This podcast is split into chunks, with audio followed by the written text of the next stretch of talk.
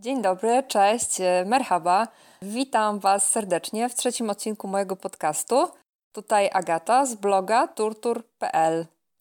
Nie wiem, czy też tak masz, ale ja już zaczęłam e, odczuwać taką delikatnie przyjemną ekscytację, jak się zbliża sobota, na myśl o kolejnym odcinku podcastu. I to brzmi strasznie się do tego tak przyznawać, tak egocentrycznie, że ja czekam na własny podcast, ale nie, nie, to nie o to chodzi, że ja się nakręcam, jak go słucham, tylko ekscytuje mnie sam fakt, że będę go nagrywać. Tak jak pisałam e, w ostatnim poście na blogu, Uwielbiam robić nowe rzeczy, uczyć się nowych rzeczy, a szczególnie właśnie jak są związane z blogowaniem, pisaniem, tworzeniem, czymś kreatywnym, więc pewnie to mnie tak e, nakręca i trochę nawiążę do tego, o czym dzisiaj będę mówiła, bo dzisiaj chcę porozmawiać e, z Tobą o błędach, które popełniamy podczas nauki obcego języka, ale ja na razie przeniosę to na taki grunt osobisty, mój. I w tym przypadku właśnie zacznę od przykładu, a później opowiem o co w tym dokładnie chodziło. Nagrywam podcast po raz dopiero, nie wiem, czwarty, piąty w życiu. Mam zwykły telefon, nie mam profesjonalnego mikrofonu. Ledwo, ledwo nauczyłam się obsługi programu do montowania, bo też nie myśl sobie, że ja tak składnie mówię zawsze naturalnie, tylko wycinam czasami rozmaite jakieś powtórki, albo zawieszenia, albo moje y po to, żeby tobie się przyjemniej tego słuchało, bo wiadomo, że na dłuższą metę takie y może być męczące, o czym wiedzą na przykład e, uczestnicy rozmaitych wycieczek, bo ja sama jako pilot też się z tym borykałam. Ale nie chcę zbaczać z tematu, bo poprzednio zboczyłam zbyt dużo i dzisiaj nie będzie o kwiatkach, ale muszę to powiedzieć. W zeszłym tygodniu kwiatki, o których wspominałam, że to niby bugenwile, które kojarzą mi się z Turcją, okej, okay, spoko, to prawda. Ale ten zapach, który teraz czuć przed sezonem, wiosną, taką zaawansowaną wiosną w Alanii, to są, kochani, nie bugenwile, tylko kwitnące drzewa pomarańczy.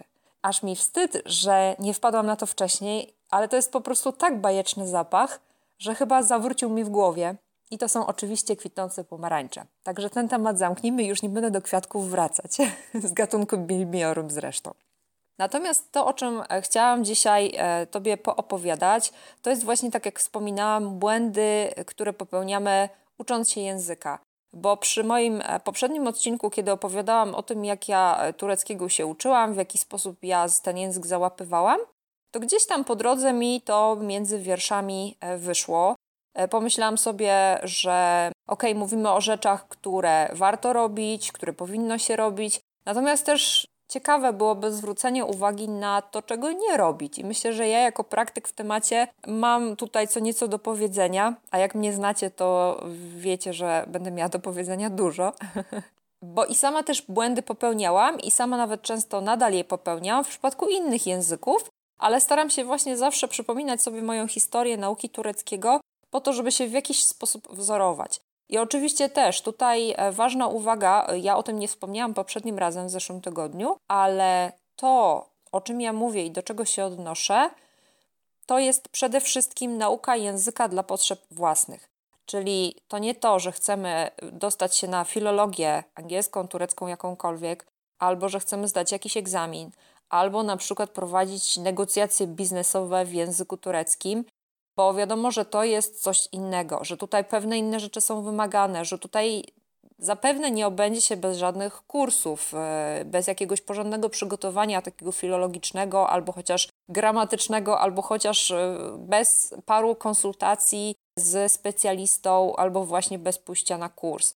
Także e, jakby odkładam troszeczkę tą rzecz na bok Mam na myśli bardziej naukę języka albo dla przyjemności, dlatego że nam się ten język podoba, albo że chcemy z niego korzystać w rozmowach ze znajomymi albo z jakimś członkiem rodziny, bo mamy na przykład Turka, Turczynkę w rodzinie dalszej lub bliższej, albo jakichś bliższych e, znajomych, z którymi fajnie byłoby przejść też na ten język, albo po prostu często jeździmy do Turcji i chcielibyśmy jakoś tak bardziej korzystać z tutejszej kultury i móc się porozumieć z lokalsami. Chociażby takie powody, jeżeli masz, jeżeli z takich e, powodów decydujesz się na naukę języka, i to znowu możemy to rozciągnąć nie tylko na turecki, ale na inne języki, bo myślę, że to będzie w jakiś sposób uniwersalne to, co e, będę mówiła, a przynajmniej taką mam nadzieję. Jest parę rzeczy, które wiele z nas robi, błędów, które popełnia i chciałabym dzisiaj je wymienić, bo może nie każdy sobie zdaje z tego sprawę. Tak jak ja mówiłam w zeszłym tygodniu, u mnie to wszystko było trochę efektem przypadku. Było nieuporządkowane, było takie bardzo spontaniczne i bardzo słuchowe. Mało było podstaw, teorii, jakiegoś takiego porządku, a więcej było takiego spontanicznego szaleństwa. Czegoś się, czymś się zafascynowałam, to tego po prostu się uczyłam. Więc ja nie jestem może wzorem, znaczy na pewno nie jestem wzorem uczenia się języka. Bardziej mogę być jedynie inspiracją i przykładem, jak to, jak to może wyglądać, tego właśnie nauczania się języka poprzez zanurzenie w nim. Kiedy w zeszłym tygodniu gdzieś tam mniej więcej skończyłam w momencie, kiedy ja już zaczęłam ten język załapywać, w taki sposób, że mogłam się w nim e, porozumieć. Nie było to super płynne porozumienie się, ale no, dawało się mnie zrozumieć. Ja rozumiałam plus minus innych. Już byłam e, w związku z królem pomarańczy i już mieszkaliśmy razem, bo my praktycznie, no można powiedzieć, prawie od razu zaczęliśmy ze sobą mieszkać, więc to też miało bardzo duży wpływ na to, w jaki sposób ten mój język się rozwijał, bo nie dało się nie. My od początku rozmawialiśmy po turecku. Angielski, ja nie chciałam z nim do końca rozmawiać, bo chciałam się nauczyć po prostu tureckiego, a z kolei król pomarańczy nigdy nie czuł się swobodnie i ja do tego jeszcze wrócę, bo on jest też trochę dobrym przykładem tego, o czym będę mówiła później. W związku z tym ten e, turecki, mówienie po turecku było u nas zawsze czymś naturalnym.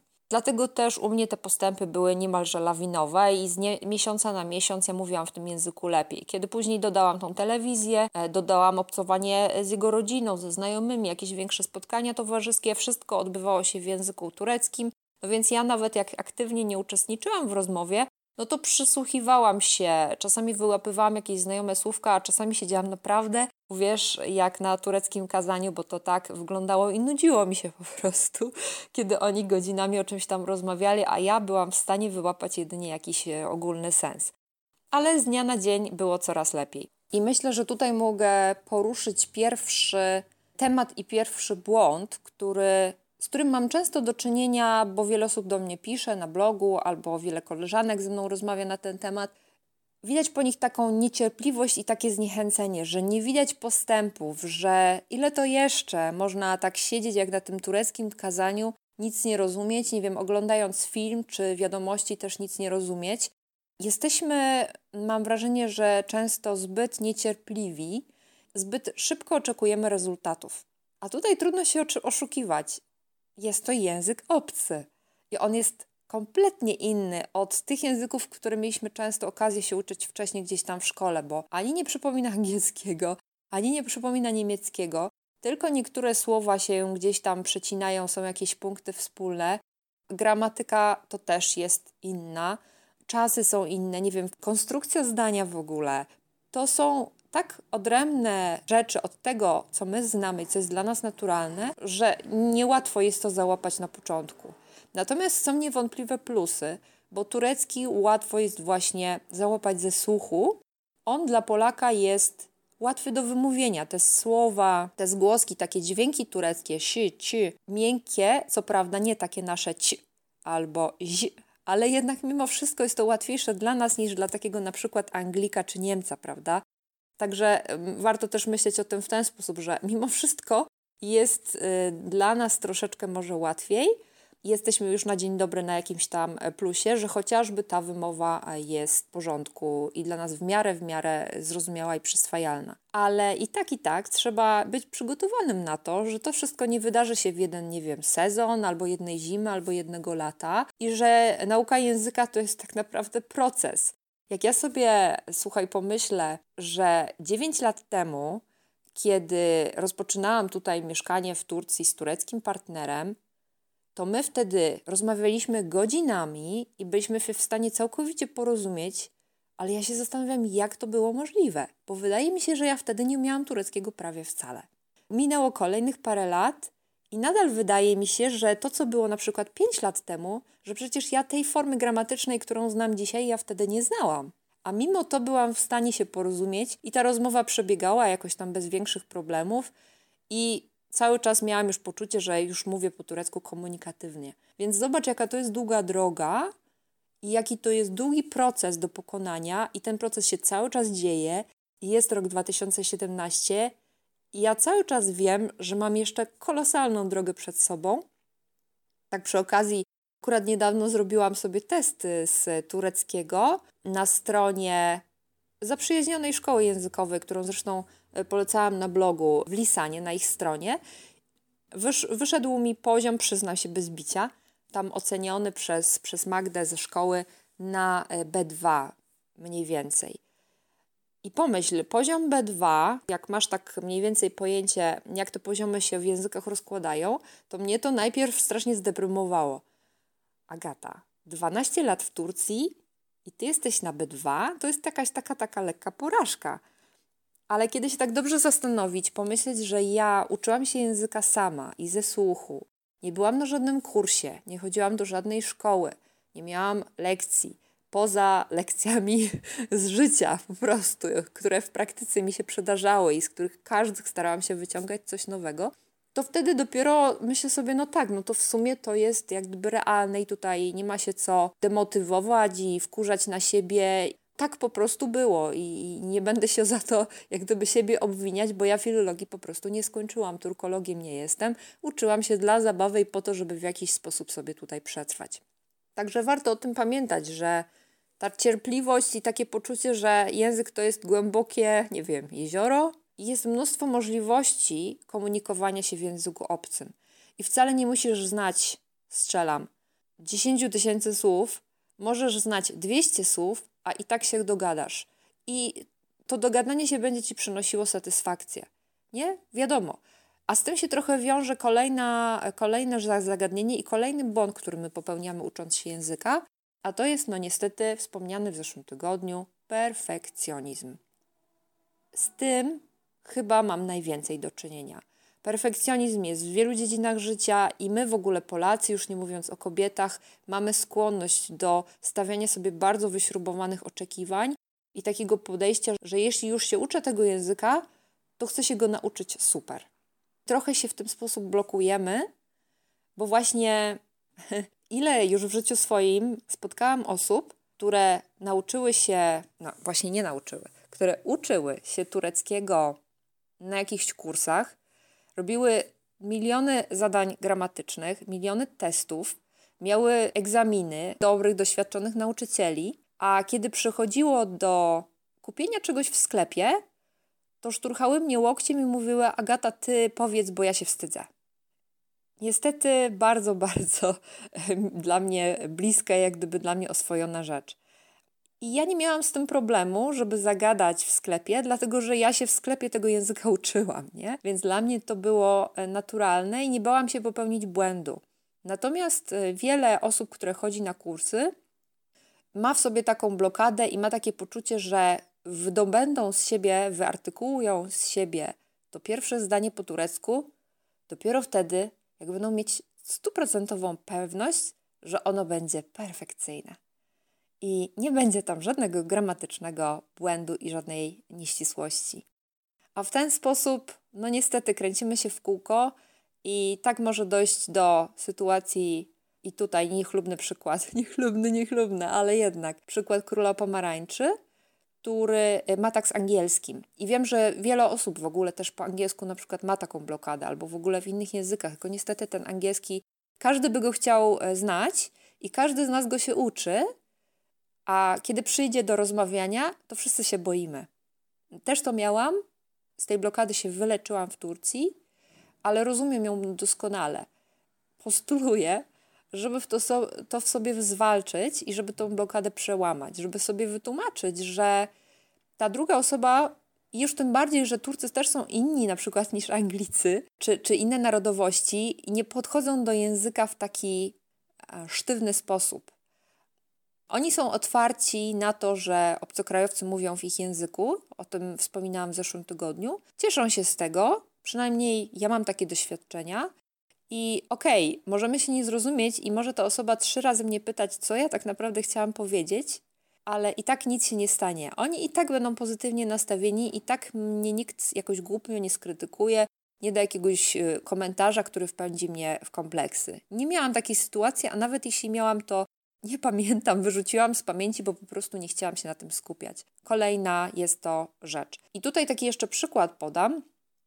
Kiedy pojechałam do Stambułu swego czasu, trafiłam do środowiska stambulskich Turków, Turczynek, to poprzez moich znajomych, między innymi przez Agatę, moją przyjaciółkę stambulską. Tam byliśmy na jakiejś czy imprezie, jakiejś domówce i rozmawialiśmy po turecku i pamiętam, że ci znajomi pytali się mnie, co to jest za akcent turecki, którym ja mówię, bo brzmi bardzo, nie wiem, śmiesznie, jak oni to wtedy określili, nie pamiętam, ale byli zafrapowani tym, że mówię takim specyficznym, dziwnym dla nich akcentem. I wtedy okazało się, że ja poprzez lata mieszkania i pracy w Alanii, ja po prostu mówię wiejskim, ananijskim, tureckim. Ja do tamtego czasu nie zdawałam sobie z tego sprawy, no to już było jakieś, jakieś parę lat temu, ale to mnie bardzo mocno e, zaszokowało, bo ja myślałam, że nie wiem, w swojej naiwności wtedy mi się wydawało, że jak ja mówię po turecku, to jest jeden turecki i okej, okay, okej, okay, jest jakaś tam e, wersja, wiadomo, turecki tradycyjny, osmański, jest turecki ze wschodu, jest z zachodu, no ale żebym ja z tej Alanii jechała do Stambułu i był mój akcent odczuwalny jako obcy, to mnie e, bardzo zaskoczyło. To też jest taki przykład, może trochę właśnie na to, że gdybym ja z siebie może nie wyartykułowała nic wtedy po turecku, no to oczywiście bym się tego nie dowiedziała. No to jest jedna sprawa. Może ci znajomi uznali, że to jest śmieszne, albo że pocieszne, albo że słodkie, bo też pamiętam, jak Król Pomarańczy na początku mówił, że ten mój turecki jest po prostu słodki, bo on taki był nieporadny i, i taki miał um, śmieszny akcent. Jakby, gdybym wtedy się jakoś zdeprymowała i stwierdziła, o Jezus Maria, to ja w takim razie tak kiepsko mówię, że może lepiej się zamknę, żeby się nie wygłupiać na forum między obcymi ludźmi o jakimś wyższym poziomie wykształcenia, a ja tutaj chciałabym uchodzić za nie wiadomo kogo, no i niestety mi to nie, się nie udaje. Nie można się tym zniechęcać, tych akcentów w tureckim i tych różnych odmian tureckiego jest cała masa. I nawet jeżeli nauczymy się, nie wiem, akcentu z Diyarbakir, który też na przykład tutaj w Alanii jest wyraźnie e, rozpoznawalny, ja już go teraz rozpoznaję, potrafię e, odróżnić e, te różne akcenty i tak samo z nadmorza czarnego i już rozróżniam też stambulski akcent, no to okej, okay, nic się nie stanie. No po prostu tak się nauczyliśmy. Pozostaje tylko troszeczkę pracować nad tym językiem, żeby być bardziej go świadomym i żeby mniej więcej rozpoznawać te różnice, e, tą specyfikę danej odmiany języka czy danego akcentu. I tyle, końca świata nie ma po prostu. Także odrzućmy ten perfekcjonizm i żyjmy dalej w tym języku. Jak się mówiło, tak się mówi. Ja nadal mam cały czas taką manierę wiejską, ale to po prostu trudno. Przynajmniej staram się, żeby tego było jak najmniej. Kolejna rzecz, o której chciałam powiedzieć, kolejny błąd, to jest zbytnie skupienie się na detalu. Na detalu w sensie takim językowym. Analizujemy każde zdanie, analizujemy każde słowo. Z takimi osobami się często spotykam. To są czasami moi czytelnicy, czasami osoby, które znam w realu tak zwanym.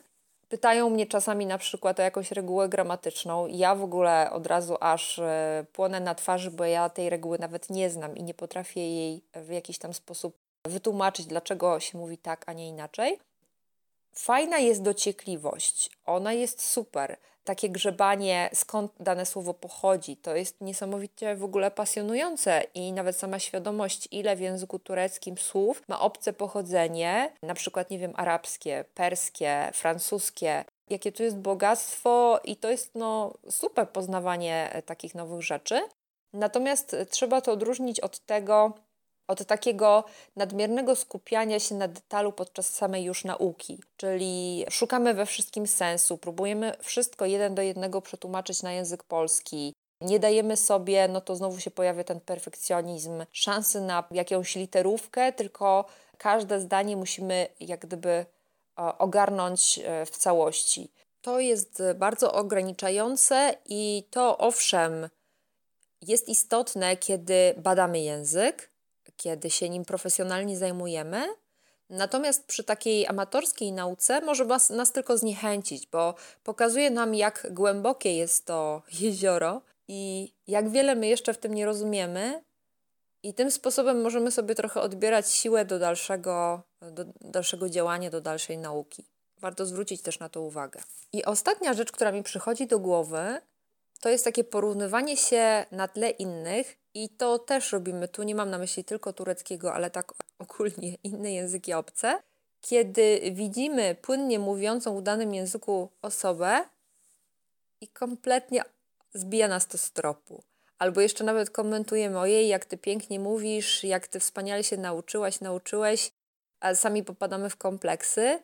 Znów nas to stopuje, e, znów nas to zniechęca. Tymczasem nie wiemy, po pierwsze, jaka historia się kryje za tą osobą. To nie zawsze jest nauka e, wspaniała, łatwa i przyjemna, tylko wiele, wiele godzin gdzieś tam spędzonych nad książkami, wiele, nie wiem, na przykład pieniędzy wydanych na kursy. No nie wiemy, prawda, jak to wyglądało e, dokładnie. I to nawet mówię w odniesieniu do siebie, bo też spotykam się z takimi właśnie komentarzami, jakim cudem doszłaś do takiego etapu, do takiej biegłości w języku. Ale zacznę takim razie odpowiedź na to pytanie, które właśnie mi zadawane jest wiele razy, taką zagadką. A czy ty słyszałaś, słyszałeś kiedykolwiek, jak ja mówię po turecku? Wiele z was nie, prawda? Więc nie zdajecie sobie sprawy, jak ja w tym języku naprawdę mówię. To jest tylko jakieś wyobrażenie i to trochę jest e, związane z tym, jak widzi się ogólnie na przykład jakiegoś właśnie blogera, czy jakąś inną taką pseudopubliczną postać, prawda?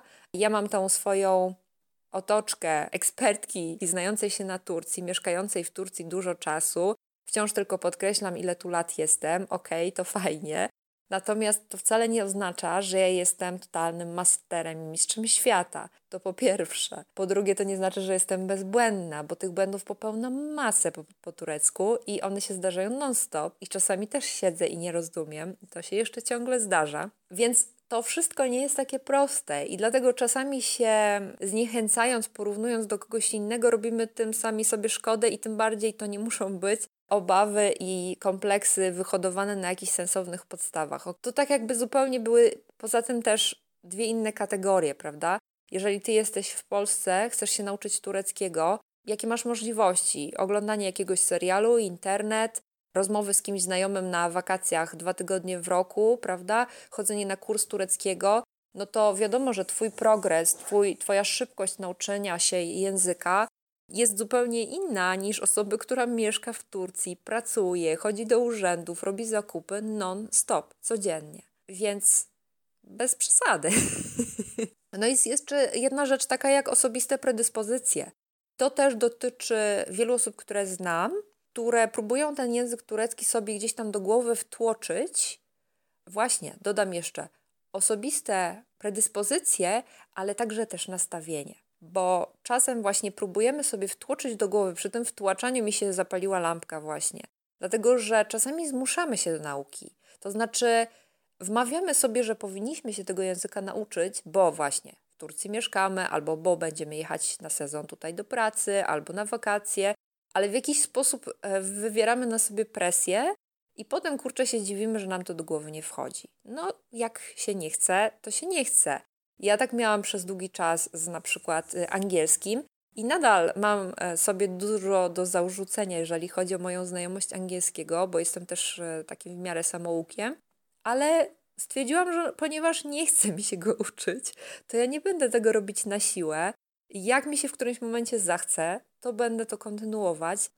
Zmuszanie się absolutnie i działanie wbrew sobie e, nic nie da. A właśnie ta druga część tego, tego tematu to predyspozycje. I predyspozycje y, językowe to bym tak określiła połączenie dobrej pamięci ze słuchem muzycznym. Dlatego też osoby, które mają wrażliwość na muzykę, które długo, dużo muzyki słuchają, lepiej przyswajają te nowe słowa.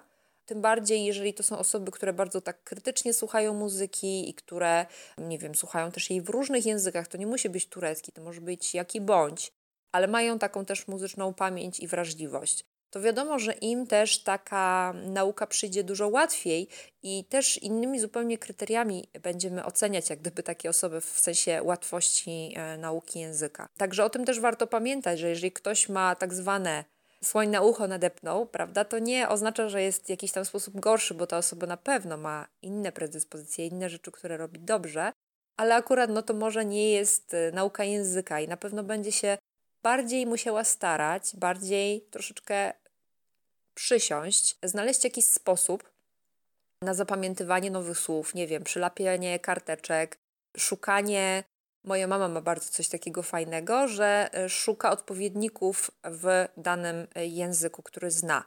Więc w przypadku tureckiego e, hitem numer jeden w wykonaniu mojej mamy jest słówko girish. Kiedyś, kiedy ona była tutaj na wakacjach ze swoją siostrą, pytała się mnie, co to znaczy a może to była moja ciocia, one obydwie są mega zakręcone, jeżeli chodzi o takie skojarzenia słowne, ale to się w nauce języka bardzo przydaje. Kiedy powiedziałam, e, że girish to znaczy wejście, bo przed sklepem było to napisane. No i właśnie jedna z nich, albo mama, albo ciocia, powiedziały: No tak, no bo wchodzi się girami. Girami po poznańsku nogami. I sprawa jasna, prawda? Girish od gir i nie ma siły, żebyśmy to słowo już drugi raz zapomnieli. Także można i tak z angielskim, można i tak z tureckim. Ok, to nie będzie łatwe, bo nie wszystko się kojarzy w taki oczywisty sposób, ale czasami właśnie nawet jakieś dziwne albo głupie skojarzenia, albo to, że nie wiem, ten wyraz się zaczyna na C, podobnie jak inny wyraz, który znamy z jakiegoś innego języka, to już może wiele pomóc. Jeżeli uczymy się dla przyjemności i właśnie nie zmuszamy się do niczego, podchodzimy do tego z takim luzem, to bawmy się tym językiem, zakończę tak pozytywnie, żeby nie było, bawmy się tym językiem, e, wyciągajmy z niego różne takie smaczki, jak najwięcej takich dźwiękonaśladowczych rzeczy, jakichś powtarzanek językowych, zabaw, wierszyków, piosenek, bo wtedy ta nauka języka stanie się dla nas taka bardziej przyswajalna, bardziej swojska. Ten język już nie będzie wyglądał tak strasznie i tak poważnie, że tam są jakieś czasy, orzeczenia, podmioty, konstrukcje, i różne inne formy, które brzmią bardzo poważnie i które mogą czas, czasem zniechęcić, bo ten język wydaje się taką wielką plątaniną, wielkim ogromem, morzem, oceanem, który jest kompletnie nie do przejścia dla takich małych robaczków jak my. Także dodam odwagi do boju, Polacy, uczcie się języków. Wracając do małego poletka tureckiego, to nie jest tak źle, jak się wydaje. Mimo, że ten język nie jest właśnie podobny do naszych europejskich języków, to jest spokojnie do ogarnięcia. Potrzeba trochę czasu, trochę cierpliwości, potrzeba odchylić trochę tego perfekcjonizmu, pomyśleć sobie, że jak nawet przejęzyczymy się i zrobimy głupi błąd, nawet taki wstydliwy, to naprawdę nic się nie stanie, a po latach będziemy to wspominać, tak jak ja na przykład, kiedy było bardzo gorąco podczas pierwszego sezonu pracy w Turcji. I ja pytałam się kolegów, jak powiedzieć, że jest tak upalnie, strasznie gorąco. Tak wiecie, że leje się z każdej części ciała po prostu litry potu. I oni wtedy powiedzieli mi, że to znaczy Jan Jorum. Po latach dopiero uświadomiono mi, i to chyba król pomarańczy, albo nie wiem, ktoś wreszcie taki bliski i zaufany, uświadomił mi, że Jan Jorum to znaczy płonę.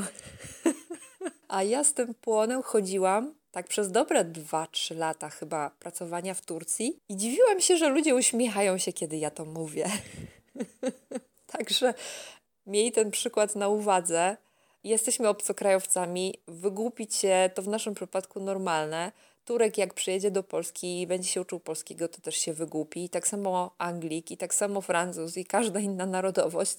Także to jest bardzo ludzkie i tym optymistycznym i zabawnym akcentem myślę, że możemy się na dzisiaj już pożegnać. Czekam jak zwykle tradycyjnie na Twoje opinie, na głosy, na komentarze, na uwagi, co było ok, z czym się zgadzasz, z czym się nie zgadzasz, bo to jest jak najbardziej dozwolone. Będę z niecierpliwością także czekała na propozycje dalszych tematów które mogę omówić w podcaście. Mam już swoje, pewien taki projekt, można powiedzieć, w głowie, ale do tego chyba przydałby mi się trochę lepszy sprzęt. To znaczy, chyba musiałabym jednak sprawić sobie mikrofon. Najpierw zobaczę, czy jakiś zajączek mi go przyniesie, ale chyba nie mam zbyt wielkich na to widoków. Także będę y, ciułać sobie na mikrofon i projekt y, z czasem pewnie się gdzieś tam uda zrealizować, a w międzyczasie jakieś małe moje nagrania na telefonie, tak jak teraz. Także cóż, dzięki serdecznie za to, że słuchasz i do usłyszenia następnym razem. Cześć!